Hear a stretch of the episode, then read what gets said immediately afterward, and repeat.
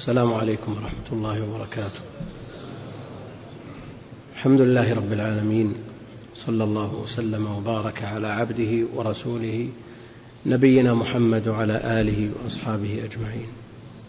أما بعد فالموضوع المختار لهذا الدرس كما سمعتم هدي السلف هدي السلف والمراد بهم من تقدم في صدر هذه الأمة ومن تبعهم بإحسان من غير تغيير ولا تبديل.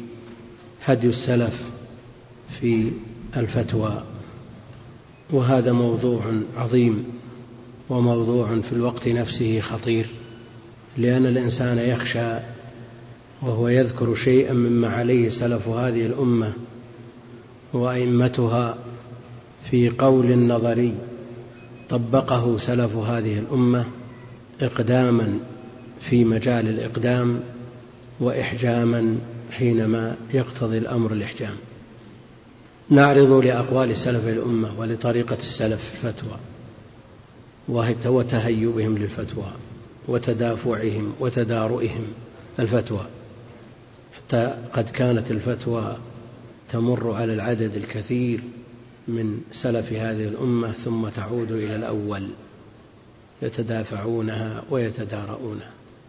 ثم بالمقابل من يتكلم عن هديهم تعرض عليه الأسئلة فلا يسلك مسلكا فالذي يخشى منه أن يكون العمل مكذبا للقول ولا شك أن مثل هذا مزلق خطير.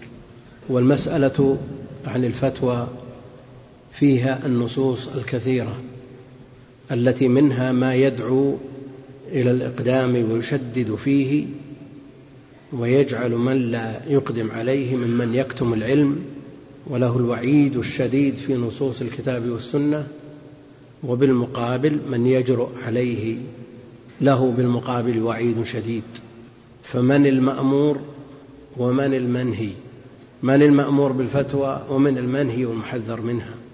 نحتاج إلى مثل هذا الموضوع في هذا الوقت وفي هذا الظرف الذي نعيشه وكثير ممن يتصدى للفتوى ليسوا ممن عرف بعلم ولا عمل أصلا فضلا عن كونهم لم يتأهلوا الأهلية التامة لهذا الشأن. وموقف السلف كما هو معلوم من نصوص الأمر بالفتوى وعدم الإحجام عنها وعدم كتم العلم لمن طلبه تصدى له أناس عرفوا بالفتوى. من الصحابة ما يزيد على المئة تصدوا للفتوى. ومنهم من جمعت فتاواه في مجلدات. وعلى كل حال منهم المقل ومنهم المكثر. وهم موجودون مطبقون لهذه النصوص. ومنهم من أحجم منهم من أحجم. ورأى أن التبعة عظيمة. والموقف خطير ومزلة قدم لأن هذا الموضوع يحتاج علما بأنه قد يخفى الأمر على الشخص نفسه. أمر الشخص يخفى عليه نفسه. هل هو ممن أمر بالفتوى أو هو ممن حذر منها؟ الشخص نفسه قد لا يستطيع تحرير واقعه. هل هو ممن أمر بها أو حذر منها؟ والسائل العامي الذي فرضه سؤال أهل العلم فاسألوا أهل الذكر قد لا يستطيع التحرير في من يسأل. هل بلغ مقام من يسأل أو لم يبلغ؟ قد لا يستطيع أن يميز بين من يسأل ومن لا يسأل. فالمسألة تحتاج إلى مزيد عناية وتحرير دقيق. لا سيما وأن المجال الآن والفضاء مفتوح لكل أحد. حتى سمعنا من يستفتي رعاع الناس عن مسائل علمية فيها نصوص شرعية ويجعل الراجح من يدعمه من الأصوات أكثر. في مجتمع لا يمت إلى الالتزام فضلا عن التدين فضلا عن العلم. هذه مسائل خطيرة. وهناك شيء أو نصوص فيها إرهاص لمثل هذه التصرفات التي نعيشها. إن الله لا يقبض العلم انتزاعا ينتزعه من صدور الرجال ولكن يقبض العلم بقبض العلماء. حتى إذا لم يبق عالما اتخذ الناس رؤوسا جهالا فأفتوا بغير علم فضلوا وأضلوا. بعض الناس ممن يتصدى للفتوى قد يكون ممن أعطي بيان يمرر به كلامه على السذج بحيث يتناقلونه ويتداولونه والبيان من هذا النوع. جاء فيه قول النبي عليه الصلاة والسلام إن البيان إن من البيان لسحرا وهذا على سبيل الذم وإن كان بعض أهل العلم يقول أنه على سبيل المدح لكن السحر مذموم. إن من البيان لسحرا فمثل هؤلاء الذين يمررون هذه الأقوال ويتدخلون في أمور الدين وفي قضايا الأمة العامة من غير اعتماد على نص من كتاب ولا سنة. وإذا تصدر للفتوى من لا علم له بالكتاب والسنة لا شك أنه سوف يضل بنفسه ويضل غيره. وإذا كان من يحتاج إلى الكتاب والسنة من غير المختصين في العلم الشرعي من الأدباء أو أو من من المؤرخين تجد لهم لبعضهم عناية فائقة بالنصوص بنصوص الوحيين.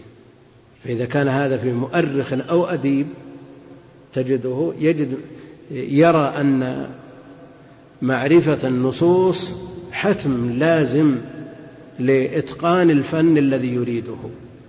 فابن الأثير مثلا صاحب المثل السائر يقول إنه استعان على نشر أو على تحقيق ما يطمح إليه من الأدب الرفيع الذي يستحق أن يسمى أدب إنما هو بعد حفظه للقرآن وبعد حفظه لثلاثة آلاف حديث وصار يردد هذه الأحاديث على مدى عشر سنوات يختمها في كل أسبوع. الأديب يحتاج إلى النصوص حاجة ماسة. المؤرخ يحتاج إلى النصوص وإلا فسوف يقع الخلط في كلامه. يعني فرق بين أن تقرأ في التاريخ لمفسر محدث كابن كثير وبين أن تقرأ لمحلل لا يعتمد على النصوص كثيرا فإذا كان هذا في جانب التاريخ والأدب الحاجة داعية إلى العناية بنصوص الكتاب والسنة فكيف بمن يتصدى لإقراء الناس وتعليم الناس وإفتاء الناس وليست له عناية بالكتاب والسنة. ونرجو أن لا يكون مثل هذا الكلام حجة علينا. إذا عرفنا هذا فجاء فقد جاء الوعيد الشديد في حق من كتم العلم وفي حق من جرأ على العلم وقال فيه بغير مستند. ولا دليل ولا برهان من الكتاب والسنة. يقول الله جل وعلا قل إنما حرم ربي الفواحش ما ظهر منها وما بطن والإثم بغير الحق وأن تشركوا بالله ما لم ينزل به سلطانا وأن تقولوا على الله ما لا تعلمون. يقول الإمام ابن القيم رحمه الله تعالى رتب المحرمات أربع مراتب. يعني جعل المحرمات أربع مراتب. وبدأ بأسهلها. قد يقول قائل إن هذه الجمل الأربع عطفت بالواو وهي لا تقتضي الترتيب. فلماذا يقول ابن القيم وغير ابن القيم أن القول على الله بغير علم أعظم من الشرك؟ لأننا قلنا إنها رتبت على سبيل الترقي وأن هذه المراتب كل مرتبة منها أعظم من التي قبلها كما يقرر جمع من أهل العلم ومنهم الإمام ابن القيم يقول رتب المحرمات أربع مراتب وبدأ بأسهلها وهو الفواحش ثم ثنى بما هو أشد تحريما وهو الإثم والظلم ثم ثلث بما هو أعظم تحريما منهما وهو الشرك به سبحانه ثم ربع بما هو أشد تحريما من ذلك كله وهو القول عليه بلا علم. يعني طالب العلم إذا سمع مثل هذا الكلام المفترض أن يحسب له ألف حساب وأنه إذا سئل عن مسألة يحسب لها وللخلاص منها بين يدي الله جل وعلا ألف حساب. يعني وما يضيرك أن تقول لا أدري. وإذا كان الأئمة على ما سيأتي كثر في أجوبتهم قول لا أدري. وإذا كان النبي عليه الصلاة والسلام المؤيد بالوحي يسأل فيسكت. لماذا يسكت؟ ينتظر الوحي ينتظر الوحي. ومن أهل العلم من يقول أنه يسكت. ليربي المفتين بألا يتسرعوا في الجواب. لأن بعض الناس إذا سئل لا يترك السائل يكمل الجواب بل يبادر بالجواب قبل إكمال السؤال. وما الذي ترتب على ذلك؟ ترتب عليه مثل قول من أجاب السائل السائل يقول إن ابني يضربني ابني يضربني فأرجو توجيه كلمة لهذا الابن وما حكم هذا الفعل؟ ومن هذا القبيل. قال السائل ضرب الوالد لولده شرعي ضرب شرعي. والأدب شرعي. هل فهم المجيب السؤال؟ عكس. عكس المراد. لكنه لو تأمل بان له المراد. ومثل هذا قد يحتاج السؤال إلى شيء من الاستفصال من السائل لأن السؤال يحتمل وجوه وحينئذ على المفتي أن يستفصل من هذه الوجوه ثم ربع بما هو أشد تحريما من ذلك كله وهو القول عليه بلا علم. وهذا يعم القول عليه سبحانه بلا علم في أسمائه وصفاته وأفعاله وفي دينه وشرعه. يقول الله جل وعلا ولا تقولوا لما تصف ألسنتكم الكذب. هذا حلال وهذا حرام. لتفتروا على الله الكذب. إن الذين يفترون على الله الكذب لا يفلحون متاع قليل ولهم عذاب أليم. متاع قليل يعني الدنيا وإن طالت وإن كثرت متعها فإنها قليلة. وإذا تصورنا أن ركعتي الصبح خير من الدنيا وما فيها فالعجب كل العجب ممن يبيع دينه بعرض من الدنيا. تجده يسابق ويسارع في القرابين من الدين من أجل أن يكسب شيئا من عرض الدنيا الزائل. يقول فتقدم إليهم سبحانه بالوعيد على الكذب عليه في أحكامه وقولهم لما لم يحرمه هذا حرام ولما لم يحله هذا حلال. وهذا بيان منه سبحانه أنه لا يجوز للعبد أن يقول هذا حلال وهذا حرام إلا بما علم أن الله سبحانه أحله وحرمه. إلا بما يعلم أن الله سبحانه وتعالى أحله أو حرمه.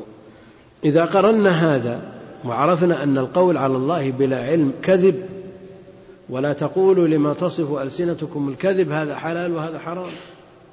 إيش معنى كذب؟ كذب يعني أنه غير مطابق لما عند الله جل وعلا من حكم وغير مبني على وسائل شرعية يستنتج منها الحكم وهذا حال الجاهل الذي يفتي بغير علم. الذي أخبر عنه النبي عليه الصلاة والسلام أنه يضل ويضل. هذا كاذب. فإذا قرنا هذه الآية بقوله جل وعلا في سورة الزمر ويوم القيامة ترى الذين كذبوا على الله وجوههم مسودة. هذه مثل هذه الآيات ترتعد منها الفرائص.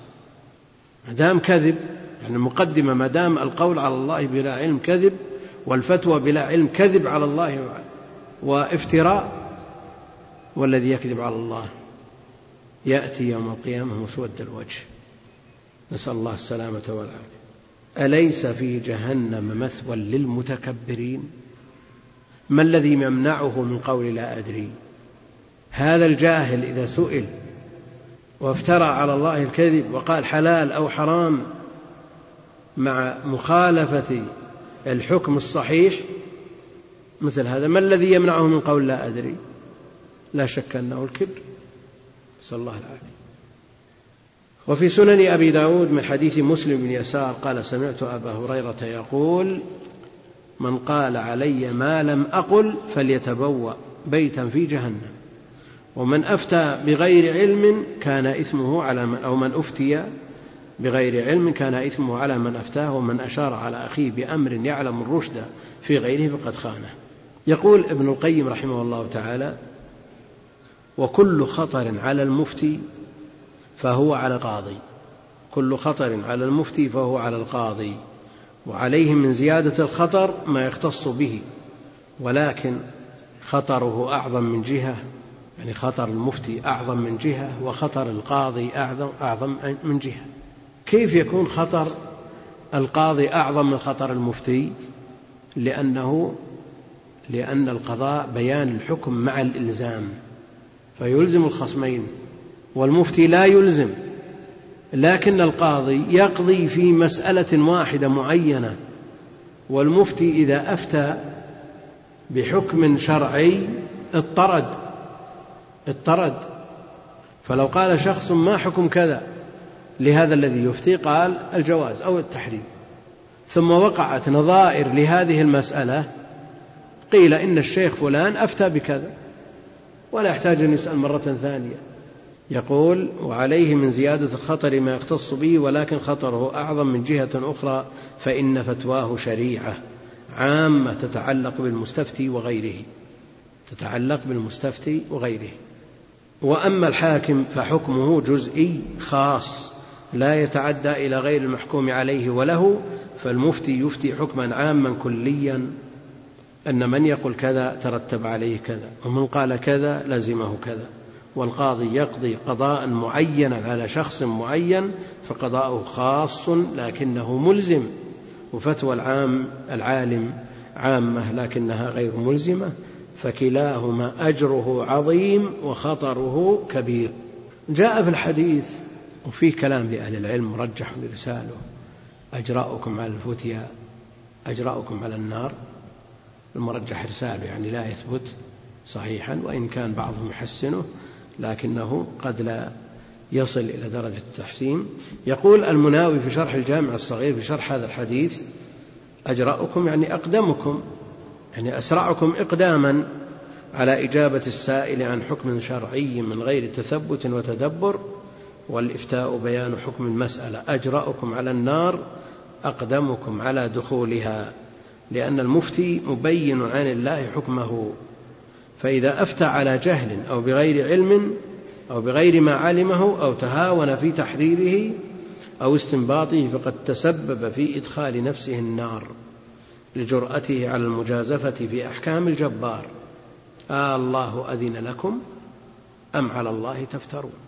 هذه فرية على الله جل وعلا. يقول الزمخشري كفى بهذه الآية زاجرة زجرا بليغا عن التجوز فيما يسأل من الأحكام وباعثة على وجوب الاحتياط فيها وألا يقول أحد في شيء جائز إلا بعد إتقان وإيقان ومن لم يوقن فليتق الله وليصمت وإلا فهو مفتر على الله تعالى. هذا في بيان الحكم المجزوم به يعني يأتي سائل فيقول ما حكم كذا؟ فيقول هذا حلال ولا حرام؟ هذا لابد أن يعد لنفسه مخرج بين يدي الله عز وجل. لكن لو طرحت مسألة في مجلس علم بين طلبة علم وشارك الحاضرون من غير علم من غير علم لا على سبيل الفتوى وإن على إنما على سبيل المشورة والترجي. فقال بعضهم لعل الحكم كذا قال بعضهم لعل الحكم كذا لعل المراد كذا مثل هذا لا يضر. لما ذكر النبي عليه الصلاة والسلام السبعين الألف الذين يدخلون الجنة بغير حساب ولا عذاب قال الصحابة لعلهم كذا لعلهم كذا لعلهم كذا. فخرج النبي عليه الصلاة والسلام فقال قوله الفصل ولم يوافق أحد منهم هذا القول. فدل على أنه إذا لم يكن على سبيل الإلزام بل على طريق الترجي فإن هذا يتسامح فيه. ومثله لو طلب معنى حديث أو معنى آية لبعض الناس يجرؤ على كلام الله جل وعلا فيفسره برأيه. وقد جاء الوعيد الشديد على من يفسر القرآن برأيه. فإذا قيل لعل المراد مراد الله جل وعلا بهذه الآية كذا أو كذا فالأمر فيه يسر إن شاء الله تعالى. ومن الناس من يجرؤ على تفسير كلام الله جل وعلا بما لا يحوم حوله ولا يصوب صوبه حتى أنه سئل بعضهم عن كلمة أو عن آية فيها ثمانية أقوال لأهل العلم فأجاب بجواب خارج عن هذه الثمان ما وافق ولا قول لأهل العلم. قد يقول قائل وليكن قولا تاسعا. أنا أفترض أنه قول تاسع. ما الذي يضر؟ لكن هل هذا القول التاسع من قائل يسوغ له أن يفسر القرآن بمثل هذه الطريقة؟ هل يسوغ التفسير لكل أحد بغير نقل؟ الأصل أن التفسير منقول. تفسير أمره موكول إلى النبي عليه الصلاة والسلام ثم إلى صحابته مما فهموه من أقواله وأحواله عليه الصلاة والسلام. ثم لمن تبعهم بإحسان ممن فهم حال من تقدم. كثيرا ما يصل الإنسان إلى رتبة من العلم ويقرأ في تفاسير الأئمة الشيء الكثير ثم يسأل عن تفسير آية. أو يقرأ شروح الحديث ثم يسأل عن معنى حديث لا يذكر فيه قول لقائل معين لكنه من خلال قراءاته واطلاعه الواسع على كلام أهل العلم تكونت لديه ملكة بحيث يظهر له معنى الآية أو معنى الحديث مثل هذا. هو التفسير بالرأي المستند إلى أقوال أهل العلم. وإلا لو نظرنا في تفاسير الأئمة الموثوقين لا سيما بعد عصور الرواية تجد كثير منهم يدخل في تفسيره من كلامه الشيء الكثير واستظهاراته ظاهرة في كتابه. هل نقول أن هذا من التفسير بالرأي الممنوع؟ أو نقول أن هذا ما دام أدام النظر في كلام أهل العلم وفي أقوال المفسرين وما جاء في التفسير المأثور تكونت لديه هذه الملكة فصار موازيا لمن أخذ عن سلف هذه الأمة. يعني على سبيل المثال نظرنا إلى تفسير الشيخ ابن سعدي. هل في كلمة مضافة إلى النبي عليه الصلاة والسلام أو مضافة إلى صحابي أو تابعي؟ لا كله من إنشاء الشيخ. هل نقول أن هذا تفسير بالرأي لا يجوز؟ هو مستقى من تفاسير السلف. لكن لا يلزم إضافة كل قول إلى قائله لا سيما إذا كان للمؤلف دور في الصياغة والتعبير عن الأقوال الكثيرة بألفاظ وجيزة. مثل هذا لا شك أنه ينطلق من أصل أصيل وأساس متين يعتمد على التفسير المروي عن سلف هذه الأمة. لأن هذا قد يلتبس. يقول مش لماذا نقول الزمخشري بالرأي حرام؟ الرازي بالرأي حرام. ونقول لأناس آخرين ليس. نقول لا يا أخي الرازي خالف السلف فيما قرره في التفسير. خرج عن طريق السلف ومنهج السلف وسنن السلف. الرازي كذلك الزمخشري وغيرهم ممن فسر من المبتدعة لكن من نظر في تفاسير السلف ودام النظر فيه تولد لديه ملكة يستطيع أن يتعامل بها مع نصوص الكتاب على طريقة السلف وهدي السلف. وقل مثل هذا في معاني ما جاء عن النبي عليه الصلاة والسلام. وهذا يجعلنا نديم النظر في كلام أهل العلم الموثوقين ممن هم على الجادة ولا مانع أن ننظر في أقوال المخالفين والمعارضين من أجل أن نحذر هذه الأقوال ونتصور هذه الأقوال لئلا نقع من حيث لا نشعر بمثل ما وقعوا فيه. وهذا للمتأهل. هذا للمتأهل. يقول ابن المنكدر المفتي يدخل بين الله وبين خلقه فلينظر كيف يفعل. فعليه التوقف والتحرز لعظم الخطر. كان ابن عمر رضي الله عنه إذا سئل قال اذهب. إلى هذا الأمير الذي تقلد أمر الناس فضعها في عنق في عنقه. وكان الولاة في عصر السلف من أهل العلم. وجاء رجل من العراق أو من الشام كما في صحيح مسلم يسأل ابن عمر عن مسألة في المناسك. فقال اذهب انظر ابن عباس. اذهب إلى ابن عباس. ابن عباس ند لابن عمر ونظير له في السن وعند ابن عمر من الجوانب ما لا توجد عند ابن عباس والعكس أيضا. يعني جانب العلم في ابن عباس أظهر وجانب العمل والعبادة في في ابن عمر أظهر. ولذلك قال السائل لما قال له ابن عمر كما صحيح مسلم اذهب إلى ابن عباس فقال ذاك رجل مالت به الدنيا ومال بها. فالناس عامة الناس يثقون بالعالم الذي لا يتوسع في أمور دنياه. لأن قلنا ابن عباس ارتكب محرمات وجلب الأموال من غير حلها وصرفها بغير حلها كلا ليس بصحيح لكنه توسع في الدنيا أكثر من ابن عمر. ابن عمر شدد على نفسه شيئا ومع ذلك هو من أهل التحري وأهل الورع وأهل التثبت.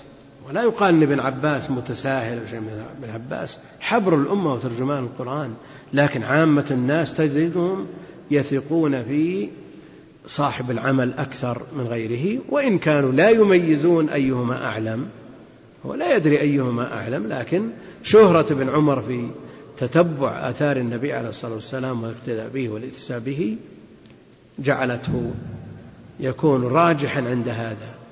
وإلا فلا شك أن العلماء عندهم من الناحيه العلمية ابن عباس أرجح. من سئل عن فتوى فينبغي أن يصمت عن أن يصمت عنها ويدفعها إلى من هو أعلم منه بها. هذا من سئل عن فتوى عليه أن يصمت عنها ويدفعها كما قال أهل العلم إلى من هو أعلم منه بها. هذا إذا وجد من يكفيه أمرها. أما إذا تعين عليه الجواب لأن هذه الأعمال العامة التي تتعلق بعموم الأمة هي فروض كفايات. فروض كفايات. الفتوى لا بد من نصب المفتين. القضاء لا بد من تعيين القضاة ونصبهم لحل المنازعات. التعليم لا بد منه. الولاية الخاصة والعامة لا بد منها. هذه فروض كفايات. لا بد من القيام بها. فالإقدام من غير تأهل ومن غير حاجة هذا لا شك أنه خطر ومزلة قدم. والإحجام حينما يتعين عليه الأمر أيضا مسؤولية عظيمة أمام الله جل وعلا. ونجد في وقتنا هنا في وقتنا الحاضر نجد آه، طرفي النقيض. نجد طرفي النقيض. تجد الأهل الكفر. إذا سئل قال روح اسأل ما أدري اذهب اسأل. اسأل غيري. يا أخي ما الذي يخلصك أمام الله جل وعلا حينما جاءك هذا الشخص وعندك من العلم ما عندك؟ نعم إذا كنت لا تتبين المسألة على وجهها فلك أن تقول اذهب. إذا لم يتعين عليك ويسهل على السائل أن ينتقل إلى شخص يجيبه عن سؤاله لك ذلك. لكن إذا تعين عليك البلد ما فيه إلا أنت تقول اذهب اسأل غيري؟ هذا الكلام ليس بصحيح. ولا يعني هذا أنك تجيب عن كل ما تسأل عنه. هناك أسئلة فورية تحتاج إلى جواب فوري. ويتصل من يتصل بعد هزيع من الليل أن يفترض الساعة الثالثة من الليل قبيل الفجر. وإذا قيل له ما الذي دعاك إلى الاتصال في هذا الوقت؟ هذا يا أخي إحراج. قال المسألة عاجلة تحتاج إلى جواب عاجل. حصل منه طلاق لامرأته وهي في الطلق. شعني هذا؟ يعني أنها قد تلد بعد ربع ساعة أو نصف ساعة وتخرج من العدة فلا يكون له عليها سلطان. مثل هذا لا بد من, من, من إجابته في وقته لئلا يفوت الأمر عليه. والتقصير حاصل. نسأل الله العفو والعافية. نسأل الله المسامحة التقصير حاصل. يعني يتصل على كثير من المشايخ في أوقات سعة وليست في أوقات ضيق فلا يجيب. نعم الأمور كثرت والتبعات كثيرة والمتطلبات وشؤون الحياة وأمور الأسر الآن صعبت تأزمت. يعني على الإنسان أن يراعي من يسأل لكن مع ذلك على المسؤول أن يجيب إذا كان عنده علم. يقول فمن سئل عن فتوى فينبغي أن يصمت عنها ويدفعها إلى من هو أعلم منه بها أو من كلف الفتوى بها وذلك طريقة السلف. من كلف الفتوى به هل لمن عين من قبل الإمام وأخذ أجر على الفتوى أن يقول اذهب إلى فلان أو اذهب إلى من هو أعلم مني؟ ليس له ذلك. لماذا؟ لأنه يأخذ على ذلك أجرا من بيت المال. فعليه أن يجيب. لا يلزم أن يجيب بما يعرف وما لا يعرف لا. يلزمه أن يجيب بما يعرف. أما ما لا يعرفه لا يجوز له أن يجيبه. بل يدفعه إلى من هو أعلم منه. وذلك طريقة السلف. يقول الماوردي فليس لمن تكلف ما لا يحسن فليس لمن تكلف ما لا يحسن غاية ينتهي إليها.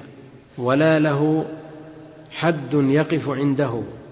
ومن كان تكلفه غير محدود فأخلق به أن يضل ويضل. هذا الطالب العلم المبتدئ الذي نصب نفسه يفتي الناس. هذا ليس له حد محدود وليست له غاية. يعني هل يقول أنا لا أفتي إلا في باب من الأبواب أو لا أفتي إلا فيما أحسن؟ يعني إذا كنت لا تفتي إلا فيما تحسن فسوف تقول هذا إذا صدقت مع ربك ومع نفسك فسوف تقول عن تسعة وتسعين بالمئة من المسائل لا أدري. وحينئذ في عرف الناس تحترق. خلاص. كيف اتجه الناس إلى من يقول في تسعة وتسعين بالمئة من المسائل لا أدري. وقد تمر عليه بعض المسائل ويستحضر الأقوال ولا يوفق للجواب عنها في هذا الواحد بالمئة أيضا. ليس هناك حد يقف عنده. ويفاجأ بما ليس في حسبانه. يقول أنا الآن أتقنت. أتقنت أبواب الصلاة باب الصلاة أو الزكاة أو باب من أبواب الدين ثم ينصب نفسه للفتوى ثم أول ما يسأل عنه مسألة طلاق أو مسألة أيمان ونذور أو في مسائل من أبواب الدين الأخرى.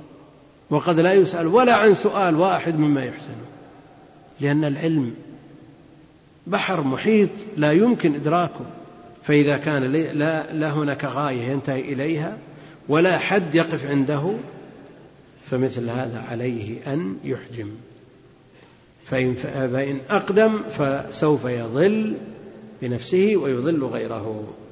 وقال بعض الحكماء من العلم ألا تتكلم فيما لا تعلم بكلام من يعلم فحسبك خجلا من نفسك وعقلك أن تنطق بما لا تفهم لأننا نسمع من يسأل ومر بنا وبغيرنا فيجيب بكلام يعرف السائل وغير السائل من السامعين أن هذا المسؤول لا يدري ماذا سيقول؟ من البداية تعرف أنه ما يدري شو بيقول. هذا واضح. وبعض الناس يأتي بكلام ينقض بعضه بعضا. لا خطام له ولا زمام.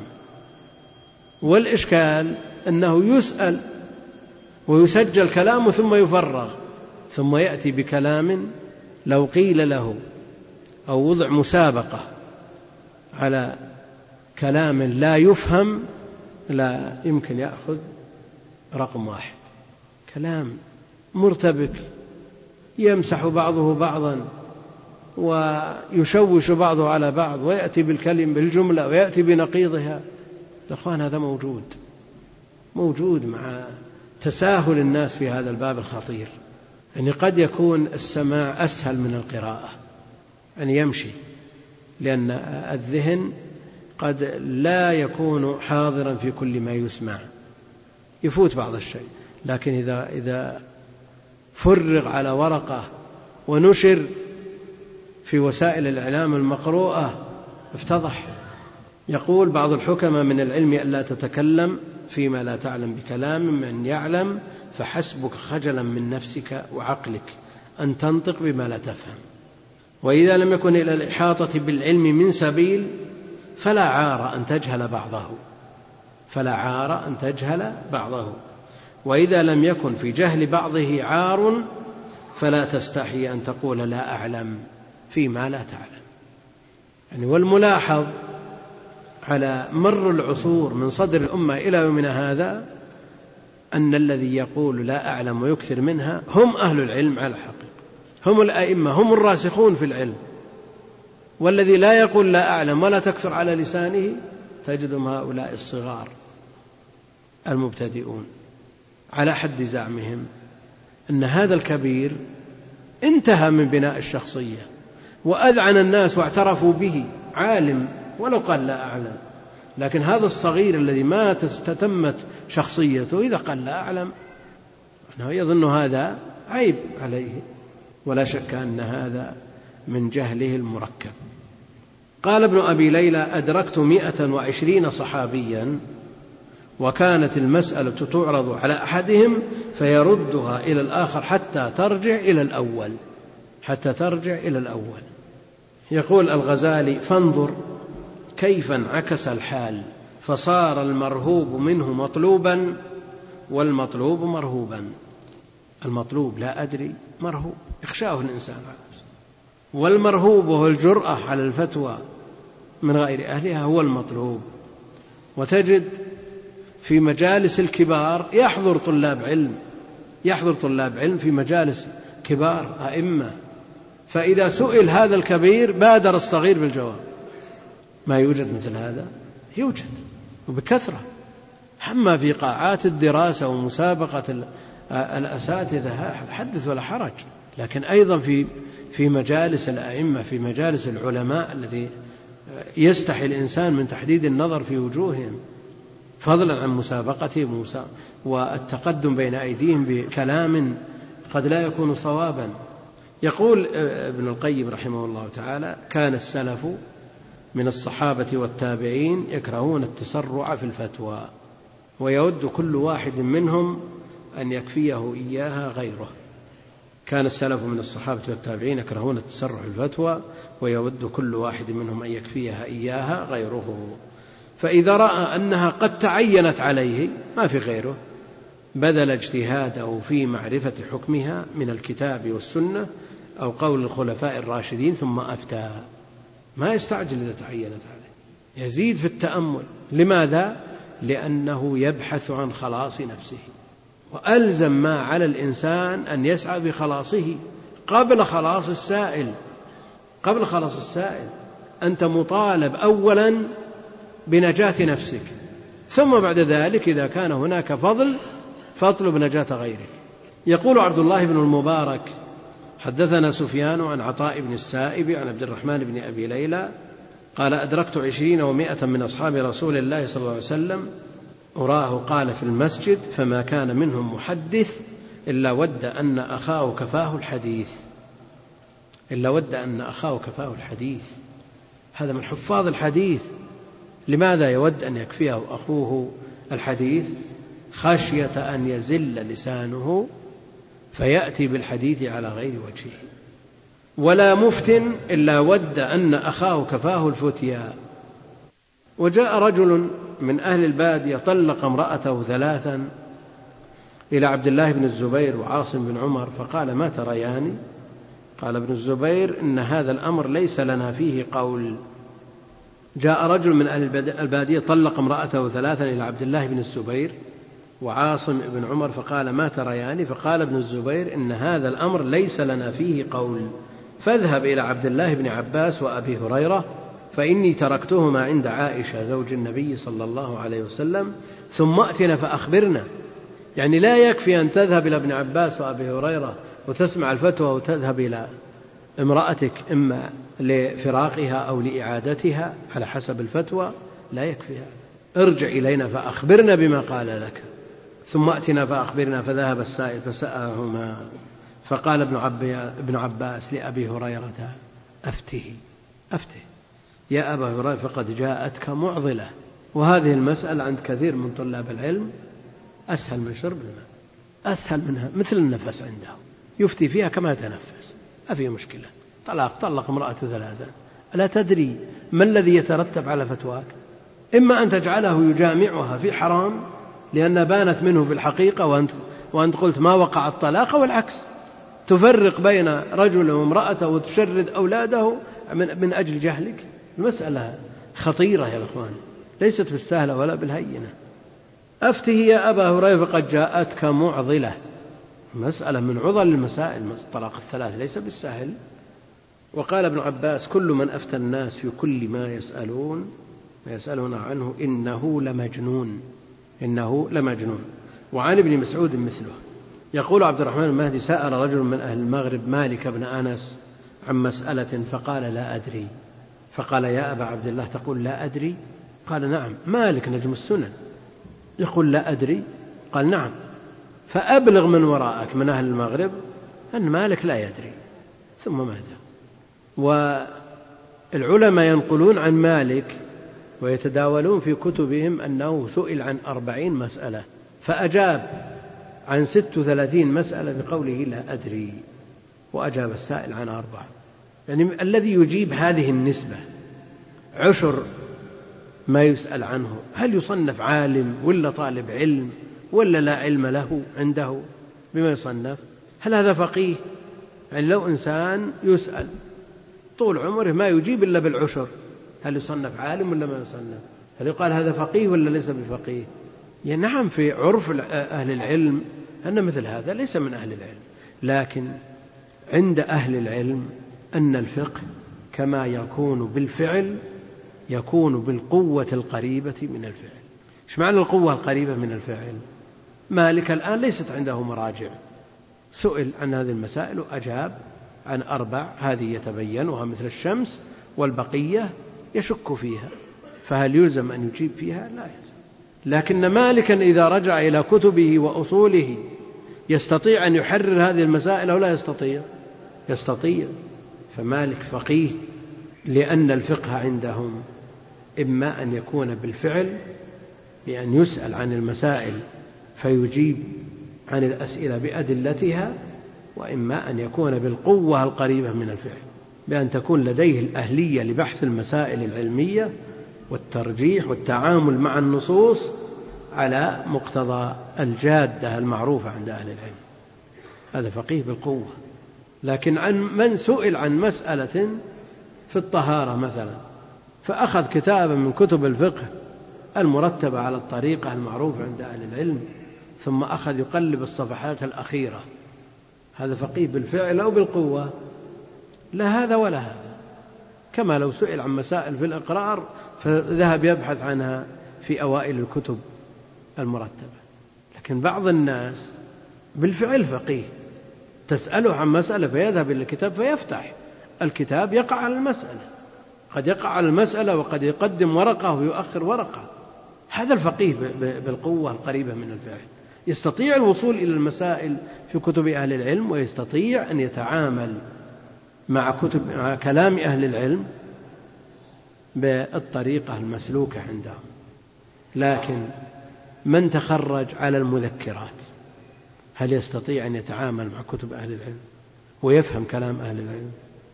لا يستطيع. كلام أهل العلم عندهم أصول وعندهم قواعد وعندهم اصطلاحات لا يفهمها إلا من عانى كلامه. ولذا المطلوب من طلاب العلم أن لا يقرأوا ولا يعتمدوا على كتب المعاصرين. يكون معولهم على الكتب التي ألفت لطبقات المتعلمين من أهل العلم وهي التي يربى عليها طالب علم. ما أن يقرأ في مذكرات أو في كتب معاصرين صيغة للمعاصرين يفهمها كل أحد هذه ما تربي طالب علم. لأنه قد يحتاج إلى مسألة في كتاب من كتب المتقدمين فلا يستطيع فهمها. يقول عبد الله بن الإمام أحمد كثيرا ما يسأل الإمام أحمد عن المسائل فيقول لا أدري ويقف إذا كانت مسألة فيها اختلاف وكثيرا ما يقول سل غيري. فإن قيل لهم من نسأل؟ قال سلوا العلماء. ولا يكاد يسمي رجلا بعينه. لا يكاد يسمي رجلا بعينه. قال وسمعت أبي يقول كان ابن عيينة لا يفتي في الطلاق. ويقول من يحسن هذا؟ مع أنه من أهل الفتوى المعروفين ابن عيينة. وكان أحمد رحمه الله تعالى شديد الكراهية والمنع للإفتاء بمسألة ليس فيها أثر عن السلف. يعني مسألة جديدة نازلة. الإمام أحمد يكره كراهية شديدة أن يفتي بهذه المسألة التي لم يسبق إليها كما قال الإمام أحمد لبعض أصحابه إياك أن تتكلم في مسألة ليس لك فيها إمام. وقال بعضهم إن استطعت أن لا تحك رأسك إلا بنص فافعل. لا بد أن يكون لك قدوة في عملك وفي قولك. وكان رحمه الله يسوغ استفتاء فقهاء الحديث وأصحاب مالك ويدل عليهم. ويمنع من استفتاء من يعرض عن الحديث ولا يبني مذهبه عليه ولا يسوغ العمل بفتواه. لأن عناية الإمام أحمد بالوحيين ظاهرة حتى أن من أهل العلم من لا يعده فقيها وإنما يعده من أهل الحديث. وابن عبد البر لما لما ترجم للأئمة الفقهاء ترجم للثلاثة وتركها لكن مثل هذا لا يضيره. ففقهه معروف ومتداول وأصحابه فيهم كثرة وحملة علمه الذي بقي إلى يومنا هذا قامت بهم مؤونة حمل هذا العلم العظيم عن هذا الإمام المقتدي المؤتسي المتثبت إمام أهل السنة الإمام أحمد. قال أبو داود في مسائله ما أحصي ما سمعت أحمد سئل عن كثير مما فيه الاختلاف في العلم فيقول لا أدري. قال وسمعته يقول ما رأيت مثل ابن عيينة في الفتوى. يعني ما رأيت أحسن منه وكان أهون عليه أن يقول لا أدري. يقول لا أدري. وقال سحنون ابن سعيد أجسر الناس على الفتيا أقلهم علما. يكون عند الرجل الباب الواحد من العلم يظن أن الحق كله فيه. ويقول ابن القيم الجرأة على الفتيا تكون من قلة العلم ومن غزارته وسعته. الجرأة على الفتيا تكون من قلة العلم ومن غزارته وسعته. فالقليل العلم مثل ما ذكرنا سابقا يريد أن يبني شخصيته. ولو كان على حساب دينه وشغل ذمته. والعالم المتبحر عنده ما يجيب به في كثير من المسائل أو أكثر المسائل. يقول فإذا قل علمه أفتى عن كل ما يسأل عنه بغير علم. وإذا اتسع علمه اتسعت فتياه ولهذا كان ابن عباس من أوسع الصحابة فتيا وقد بلغت بلغ ما جمع من فتاواه في عشرين سفرا عشرين مجلد. كان الناس ينظرون إلى مجموع فتاوى شيخ الإسلام ابن تيمية ويقولون كيف جمع هذا العلم وجمع هذه وأجاب عن جميع هذه المسائل في هذا العمر؟ شيخ الإسلام لم يعمر من 61 إلى 28 40 و27 67 سنة. ما شاء الله. 37 مجلد فتاوى. وإذا نظرت إلى فتاوى النووي إذا في جزء صغير. وإذا قارنا هذا بفتاوى من يتصدى للإفتاء في وقتنا تجد البؤن الكبير. لو أن إنسان يجيب في كل يوم عن خمس مسائل مثلا. في عصرنا هذا. في السنة يحتاج إلى كم؟ ألف وسبعمائة مسألة. وفي عشر السنوات يجيب عن سبعة عشر ألف مسألة. وفي العشرين وهكذا إلى أن تبلغ المئات من المجلدات. وهذا الحاصل. يعني لو جمعنا فتاوى شيوخنا مثلا يعني ما جمع منها مثلا الشيخ ابن باز يقرب من فتاوى الشيخ الإسلام. وبقي الشيء الكثير ولو جمعت فتاوى في الطلاق لبلغت حجم مجموع فتاوى شيخ الإسلام كلها والحاجة داعية والناس كثرت عندهم الإشكالات كثر عندهم ما يحتاج إلى سؤال أهل العلم من مشاكل سواء كانت في الدين أو في أمور الدنيا أو في التعامل الأمور الاجتماعية. هذه كثيرة جدا تحتاج إلى من يحلها بالطريقة الشرعية. وكان سعيد بن المسيب أيضا واسع الفتيا وكانوا يسمونه الجريء كانوا يسمونه الجريء يعني تحس أن عند بعض الناس جرأة جرأة. لكن إن كانت الجرأة مبنية على أصول شرعية فنعمة الجرأة. وإن كانت غير مبنية على الأصول الشرعية فويل فيا ويله. يعني أحيانا تقرأ فتوى لشيخ الإسلام بذيوله واستطراداته تجد عنده قوة في الكلام وقد تقول هذا كلام فيه جرأة لكنها جرأة سببها الإحاطة بنصوص الشرع وقواعده وأصوله. ومع ذلك سئل عنه محمد رشيد رضا يعني نظير ابن عباس مع من تقدمه من الصحابة. شيخ الإسلام مع من تقدمه من الأئمة. رشيد رضا سئل عن شيخ الإسلام هل هو أعلم من الأئمة الأربعة أو هم أعلم منه؟ فقال من وجه باعتبار أن شيخ الإسلام رحمه الله تعالى تخرج على كتب الأئمة وكتب أصحابهم فلهم الفضل عليه وباعتبار إحاطته بما كتبه هؤلاء الأئمة فهو أوسع منهم علما. ابن عباس جمع جمع الله له علم كبار الصحابة كله وتأخرت حياته حتى احتيج إليه. احتيج إليه. احتيج إلى علمه فكثرت فتاوى. وذلك تجدون الشيخ إذا عمر وهو على الجادة وعلى هدي شرعي تجده يكون محل ثقة الناس. يعني الشيخ ابن باز رحمه الله عمر بعد أقرانه فاحتاج الناس إلى علمه. انقرض أقرانه قبله بعشر سنوات عشرين سنة احتاج الناس إلى ما عنده. ولذلك انتشر علمه انتشار الليل والنهار. بينما من أقرانه من لو جمعت فتوى في مجلد مثلا. فالتأخر تأخر السن بعد الأقران لا شك أنه تكثر الحاجة إليه. ولذا يقولون في العبادلة الأربعة ابن عمر وابن عباس وابن الزبير وعبد الله بن عمرو بن العاص.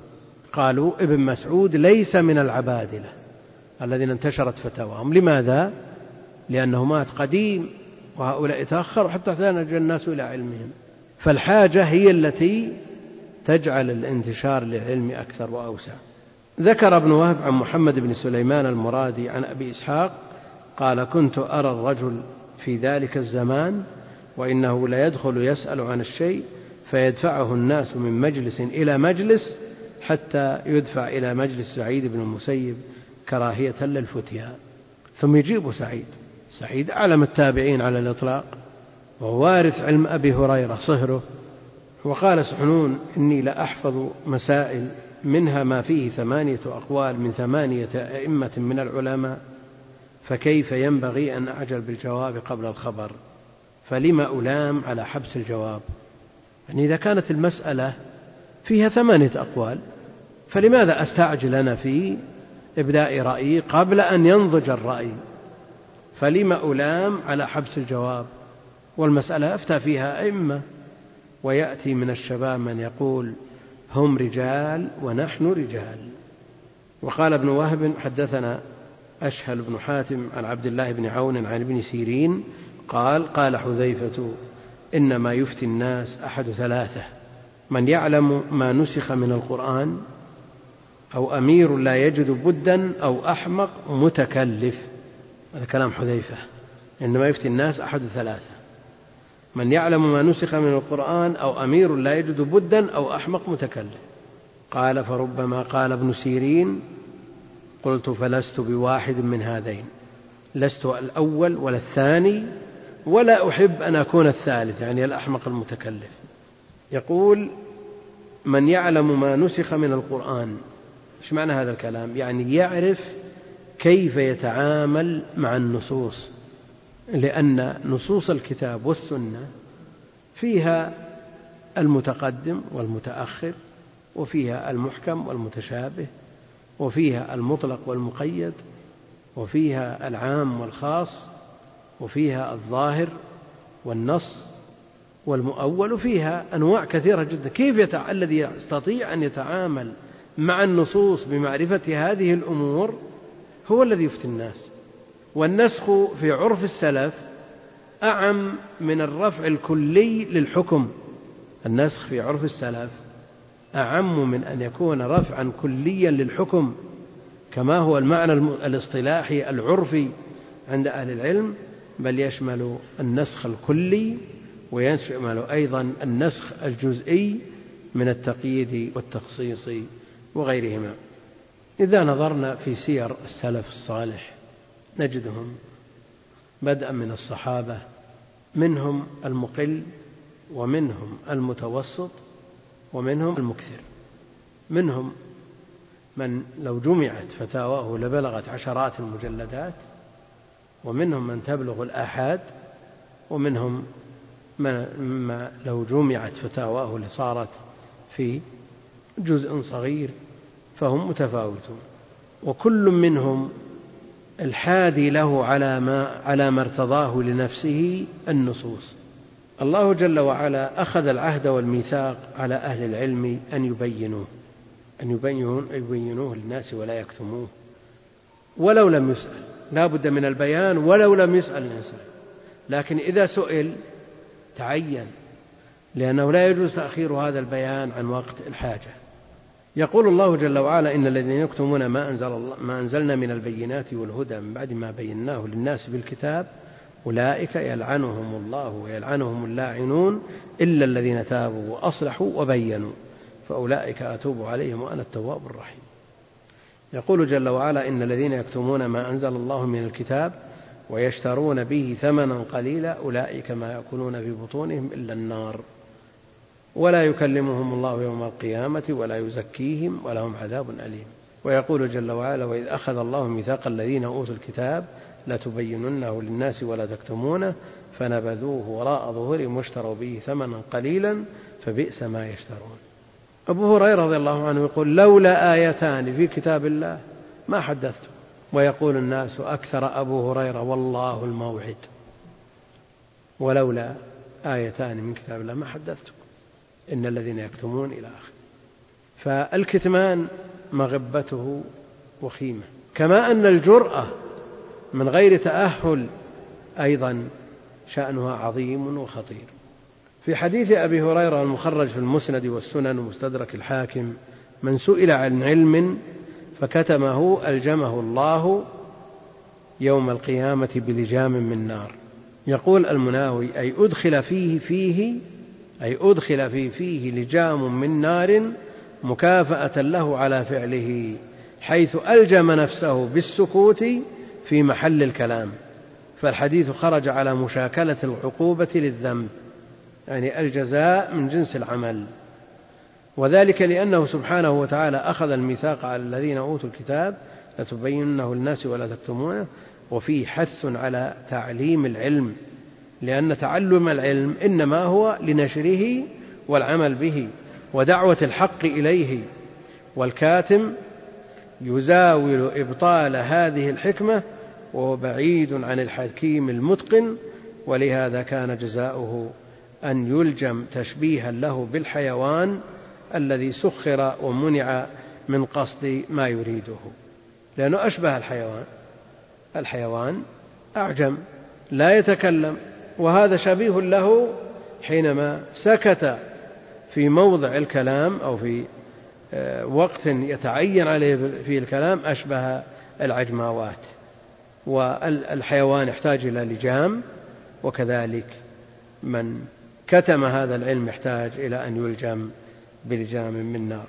يقول الشيخ حافظ الحكم في ميميته الفريدة الشهيرة والكتم للعلم فاحذره إن كاتمه في لعنة الله والأقوام كلهم. ومن عقوبته أن في المعاد له من الجحيم لجاما ليس كاللجم وصائن العلم عمن ليس يحمله ماذا بكتمان بل صون فلا تلم وإنما الكتم منع العلم طالبه من مستحق له. فافهم ولا تهم. وعلى هذا فعلى طالب العلم أن يرى ويعرف ويقرر مكانته في هذا العلم. يعرف واقعه وحقيقته. فإن كان ممن أخذ عليه العهد والميثاق أن يبين فلا يجوز له حينئذ أن يحجم البتة لئلا يلجم بلجام من نار. وإذا كان ممن لم يبلغ هذه المرتبة ولم يتمكن من معرفة الأحكام الشرعية بأدلتها فلا يجوز له حينئذ أن يقدم. ومما يشاهد أن من الأكفاء في وقتنا الحاضر من انزوى في بيت أو في مزرعة أو اقتصر على عمل رسمي ولم يشارك في نفع الناس ولا ولم يساهم في إخراجهم من ظلمات الجهل إلى نور العلم ولم يساهم في حل إشكالاتهم وإجابة سؤالاتهم فمثل هذا هو الذي صار سببا في جرأة بعض غير الأكفاء على أن أضلوا الناس بعد أن ضلوا بأنفسهم. قد يقول قائل أنا لا أستطيع أن أقرر عن نفسي أنني وصلت إلى الحد الذي يلزمني أن أفتي ولم أتجاوز الحد الذي لا يجوز لي أن أفتي. فالمسألة تحتاج إلى وضوح وسئل بعض الكبار لماذا لا تتصدى لتعليم طلاب العلم؟ فقال إن النصاب لم يكتمل. والأمة كلها تشهد له أن نصابه قد زاد. فهل يقال أن الإنسان متروك له هذا الأمر وله أن يقول أنا أعرف بنفسي ما بلغت؟ وكثير منهم يقول مثل هذا الكلام من باب التواضع وهضم النفس. من باب التواضع وهضم النفس. لكن مثل هذا التواضع لا يعفيه من الوعيد الشديد الذي جاء بصدده العهد والميثاق على أهل العلم أن يبينوا للناس ما نزل إليهم. ولو تواضع. لا يعفي هذا التواضع. إلا إذا قام بالأمر من يكفي. أما إذا تعين عليه فلا بد أن يساهم لا بد أن يبين لا بد أن يجيب. وأقول مثل هذا هذه المواقف لا شك أنها فيها شيء من الخفاء والغموض. يعني قد يكون الإنسان تأهل بالفعل لكن لا يدري عن نفسه. وقد يكون شديد الحذر شديد الخوف على نفسه من بلوغه الحد الذي يلزمه أن يتصدى لتعليم الناس وإفتائهم ورفع الجهل عنهم. وبيان ما نزل إليهم. وبعضهم قد يجرؤ ظنا منه أنه قد وصل إلى الحد. ولا شك أن مثل هذا الأمر تكفي فيه الاستفاضة. تكفي فيه الاستفاضة بالنسبة للشخص نفسه ولغيره أيضا. لا يستفيض بين أهل العلم أن فلانا قد بلغ مبلغا يتعين عليه أن يعلم يتعين عليه أن يدعو يتعين عليه أن يقضي يتعين عليه أن يفتي. إذا استفاض بين أهل العلم لا سيما الموثوقين منهم فإنه حينئذ يكون نصابه قد بلغ وذمته تبرأ بتصديه لهذه الأعمال. أما إذا لم يستفض أمره وخفي أمره على الناس فهذا يوكل إليه هو حينئذ يعرف عن نفسه ما يعرف. لا سيما قبل أن يعرف. ومثله بالنسبة للعام ومن يستفتي. العامي ليست لديه أهلية الموازنة بين أهل العلم. هناك أمور ظاهرة إذا اتصف بها العالم فهو أهل لأن يستفتى. وليس في فتواه مفت متبع ما لم يضف للعلم والدين الورع. لا بد أن يتحلى بهذه الأوصاف الثلاث العلم والدين والورع. لأن بعض الناس عنده عنده علم لكن ليس عنده ورع إذا إذا لاح له مطمع دنيوي أو شرف أو جاه تخطى هذا العلم الذي يحمله وتجاوزه وبعضهم ليس عنده دين يحميه وبعضهم ليس عنده علم فلا بد من توافر الأمور الثلاثة. والعامي أيضا يكفيه في تقرير من يسأل استفاضة هذا الذي يراد سؤاله عند أهل العلم الموثوقين. إذا استفاض على ألسنة أهل العلم أن فلان أهل لأن يستفتى فيقصده الناس الاستفتاء من عامة وأشباههم. ومع هذه النصوص المحكمة في المنع والإلزام نجد في عصرنا من يجرؤ على الفتوى وهو ليس من أهل العلم أصلا كما أسلفنا في المقدمة. يعني يجمع في قناة من القنوات ثلة من الشباب وثلة من الجنس الآخر من الشابات ثم يطرح مسألة شرعية وقد يكون معه ممن يستطيع استغفال الناس واللعب بعقولهم ممن يؤيده على كلامه وطريقته واستفتائه ثم يقول ماذا تقولون في كذا؟ ثم بعد ذلك يحسب الأقوال ثلاثين صوت. ثم من, من يعارضهم عشرة أصوات. إذا الحكم كذا. هل هذه طريقة شرعية لتقرير المسائل العلمية؟ هؤلاء هم الذين أخبر النبي عليه الصلاة والسلام عنهم أنهم اتخذوا رؤوس جهال يضلون بأنفسهم ويضلون غيرهم. ويصرح ويتبجح بأنه ليس من أهل العلم. إذا انتهى من تقرير المسائل بهذه الطريقة قال يا الأخوان أنا تخصصي غير شرعي. تخصصه كيمياء ولا صيدلة ولا زراعة ولا شيء آخر. لكنها وسيلة كسب وسيلة كسب مادة.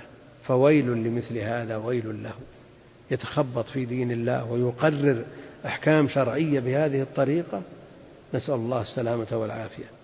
مع هذه النصوص المحكمة في المنع والإلزام نجد في عصرنا ما يجرؤ على الفتوى وهو ليس من أهل العلم أصلا فضلا عن طالب علم غير متأهل لا سيما مع تيسر وصول أقوالهم إلى الناس بواسطة الوسائل المتعددة.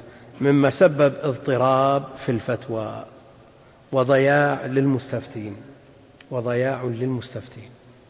والمسؤولية في مثل هذا تقع على أولياء الأمور. من العلماء والقادة. أن يوضع لهذا الاضطراب وهذا اللعب والتلاعب يوضع له حد لأن الناس اضطربوا ونسبوا هذا الاضطراب إلى الدين. كم سمعنا على ألسنة العامة أن الدين تغير؟ كنا نرى الناس يصلون كذا وظهرت أقوال كنا نراهم يفعلون كذا وظهر غير هذه غير ما كنا نعلم. فنسبوا هذا الاضطراب إلى الدين والدين منه بريء. نعم أهل العلم بينهم خلاف والخلاف موجود من عصر الصحابة لكن في مثل هذه الظروف التي ظهرت فيها هذه الأقوال لا بد أن يطلع العامة على الأسباب الحقيقية للاختلاف وأن يعرى أمثال هؤلاء الأدعياء الذين يضلون الناس وأن تبين حقائقهم. مما سبب اضطرابا في الفتوى وتبلبلا عند الناس وتشتت لعدم تمييزهم بين العالم وغيره فكثير من يتصدى لذلك قد يكون ممن وهب بلاغة وفصاحة يؤثر بها على الناس. وقد جاء في الحديث كما تقدم إن من البيان لسحرا. صاحب ذلك إحجام من كثير من طلاب العلم المتأهلين احتجاجا بما جاء من نصوص المنع والوعيد وتأسيا بسلف هذه الأمة في تدافع الفتيا وتدارؤها مما فسح المجال لأدعياء العلم أن يتصدروا في القنوات والوسائل والمجالس. ولا شك أن الحاجة قائمة وقد أمر الله جل وعلا بسؤال أهل العلم.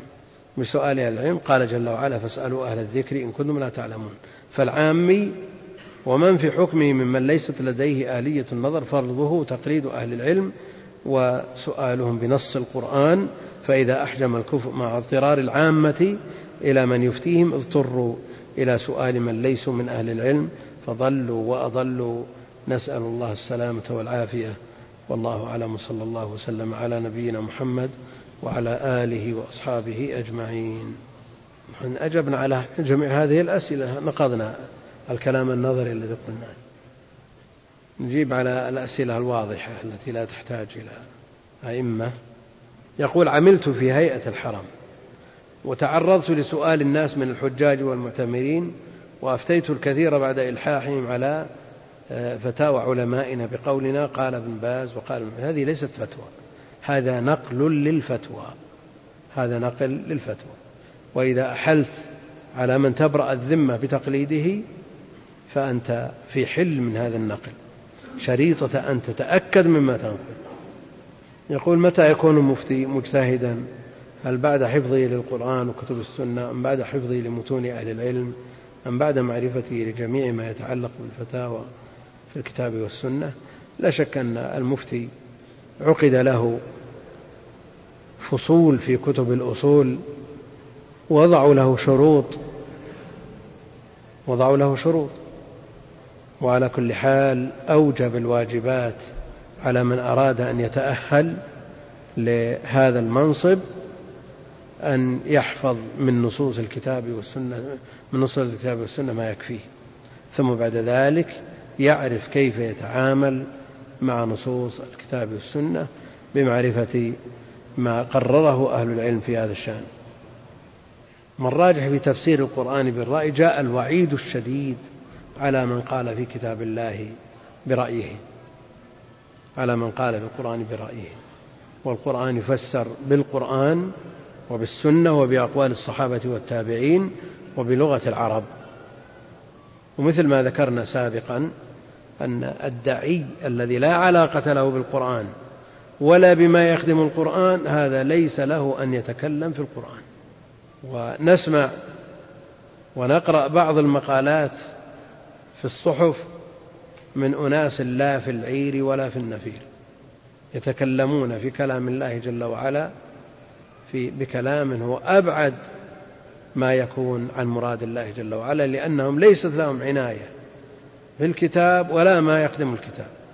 لكن من كانت له عناية في القرآن؟ صار من أهله ونظر كثيرا وأطال وأدام النظر في كتب أهل العلم الموثوقين هذا له أن يدلي برأيه لأنه تكونت لديه ملكة يستطيع بها أن يتعامل مع نصوص القرآن والسنة. يقول هل ينبغي لطالب العلم أن ينكر المنكر بوجود مع وجود عالم في المجلس الذي فيه المنكر مثل آه، الجوالات وأصواتها في المسجد مع وجود عالم؟ فهل أقول أنكر هذا؟ يعني من باب الأدب هو الإنكار لا بد منه سواء كان من العالم أو من غيره. من رأى منكم منكرا فليغيره بيده فإن لم يستطع بلسانه فإن لم يستطع بقلبه. لكن لو كان على طريقة السؤال لهذا العالم ما رأيكم في مثل هذه النغمة؟ ما رأيكم في مثل هذا الصوت؟ فيجيب الشيخ إن شاء الله بما ينفع. وإن أجاب أيضا بخلاف ما يراه هذا هذا يراه منكر والشيخ لا يراه منكر فعليه أن يبين رأيه لكن مع الأدب. يقول في زماننا ما الأفضل عالم أحجم عن الفتوى في ظل نطق الرويبضة. أم عالم تصدر الفتوى لنشر العلم والفهم الصحيح في الأمة. لا شك أن مثل هذا فرع عن العزلة والخلطة. العزلة والخلطة. يعني كما تكون لسائر الناس تكون أيضا للعلماء. فالعالم الذي يستطيع أن يؤثر بالناس ولا يخشى على نفسه من التأثر بما, بما عنده من منكرات هذا يتعين عليه أن يخالط وأن يعلم وأن يفتي وأن يقضي. وإذا كان يخشى على نفسه من التأثر حينئذ لا مانع من عزلته لأن حرصه على نفسه آكد وأوجب. ذكرنا في حديث أجراؤكم على الفتية أجراؤكم على النار أن أصح أنه مرسل. يقول كثير من طلاب العلم في هذا الوقت لا يفرق بين المدارسة والفتية. قلت أنه إذا اجتمع مجموعة من طلاب العلم وتذاكروا العلم وتدارسوه فيما بينهم وطرح بعضهم سؤال وطلب الجواب من, البقية وقال بعضهم لعله كذا لعله كذا بحيث لا يجزم. هذا لا إشكال فيه إن شاء الله تعالى. هناك أيضا الأسئلة في الامتحان. قد يدخل الإنسان الامتحان ثم يسأل بأسئلة ما مرت عليه. يجيب ولا ما يجيب؟ يقول هذا ليس مجال فتوى. هذا ليس بمجال فتوى إنما هو مجال كشف ما عند الشخص. فليكشف ما عنده من علم أو جهل لكن يتقي الله جل وعلا ألا يقول باطلا ألا يقول باطلا. ولو صدر كلامه بلعل كان أحوط. متى يكون الشخص من أهل العلم؟ ومتى من يكون له حق في الفتيا ذكرنا أنه لا بد من التأهل وأخذ العلم بجميع أبوابه وجميع متطلباته واستفاضة الخبر خبر هذا الشخص من قبل أهل العلم. فإذا اجتاز هذه الاستفاضة وصار على ألسنة أهل العلم أنه أهل للتعليم وأهل للفتيا كان من أهلها وإلا فلا. يقول إذا كان الوقت ضيق سؤال طالب العلم وليس عنده تصور كامل أو سئل طالب العلم وليس عنده تصور كامل للمسألة فماذا يفعل؟ عليه أن يقول الله أعلم. هل قول لا أدري مع العلم بالمسألة يعد كذبا؟ نعم هو كذب بلا شك لأنه آه، مخالف للواقع. هذا كذب.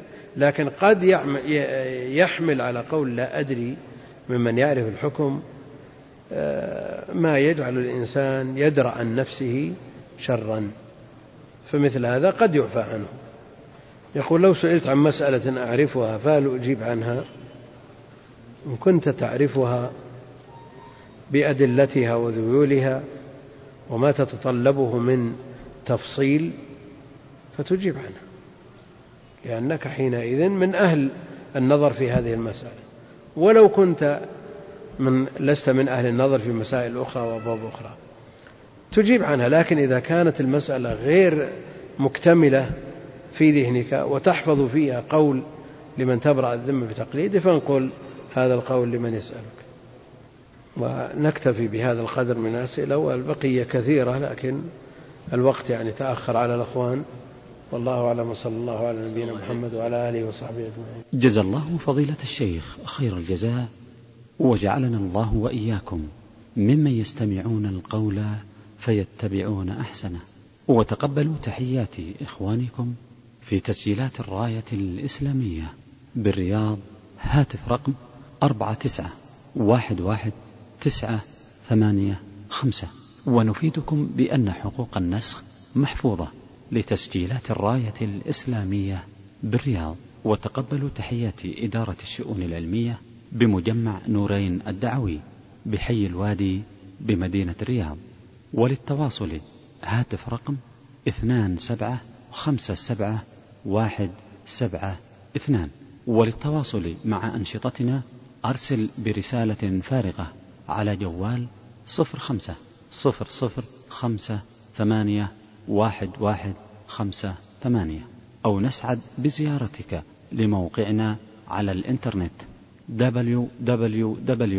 www.نورين والسلام عليكم ورحمة الله وبركاته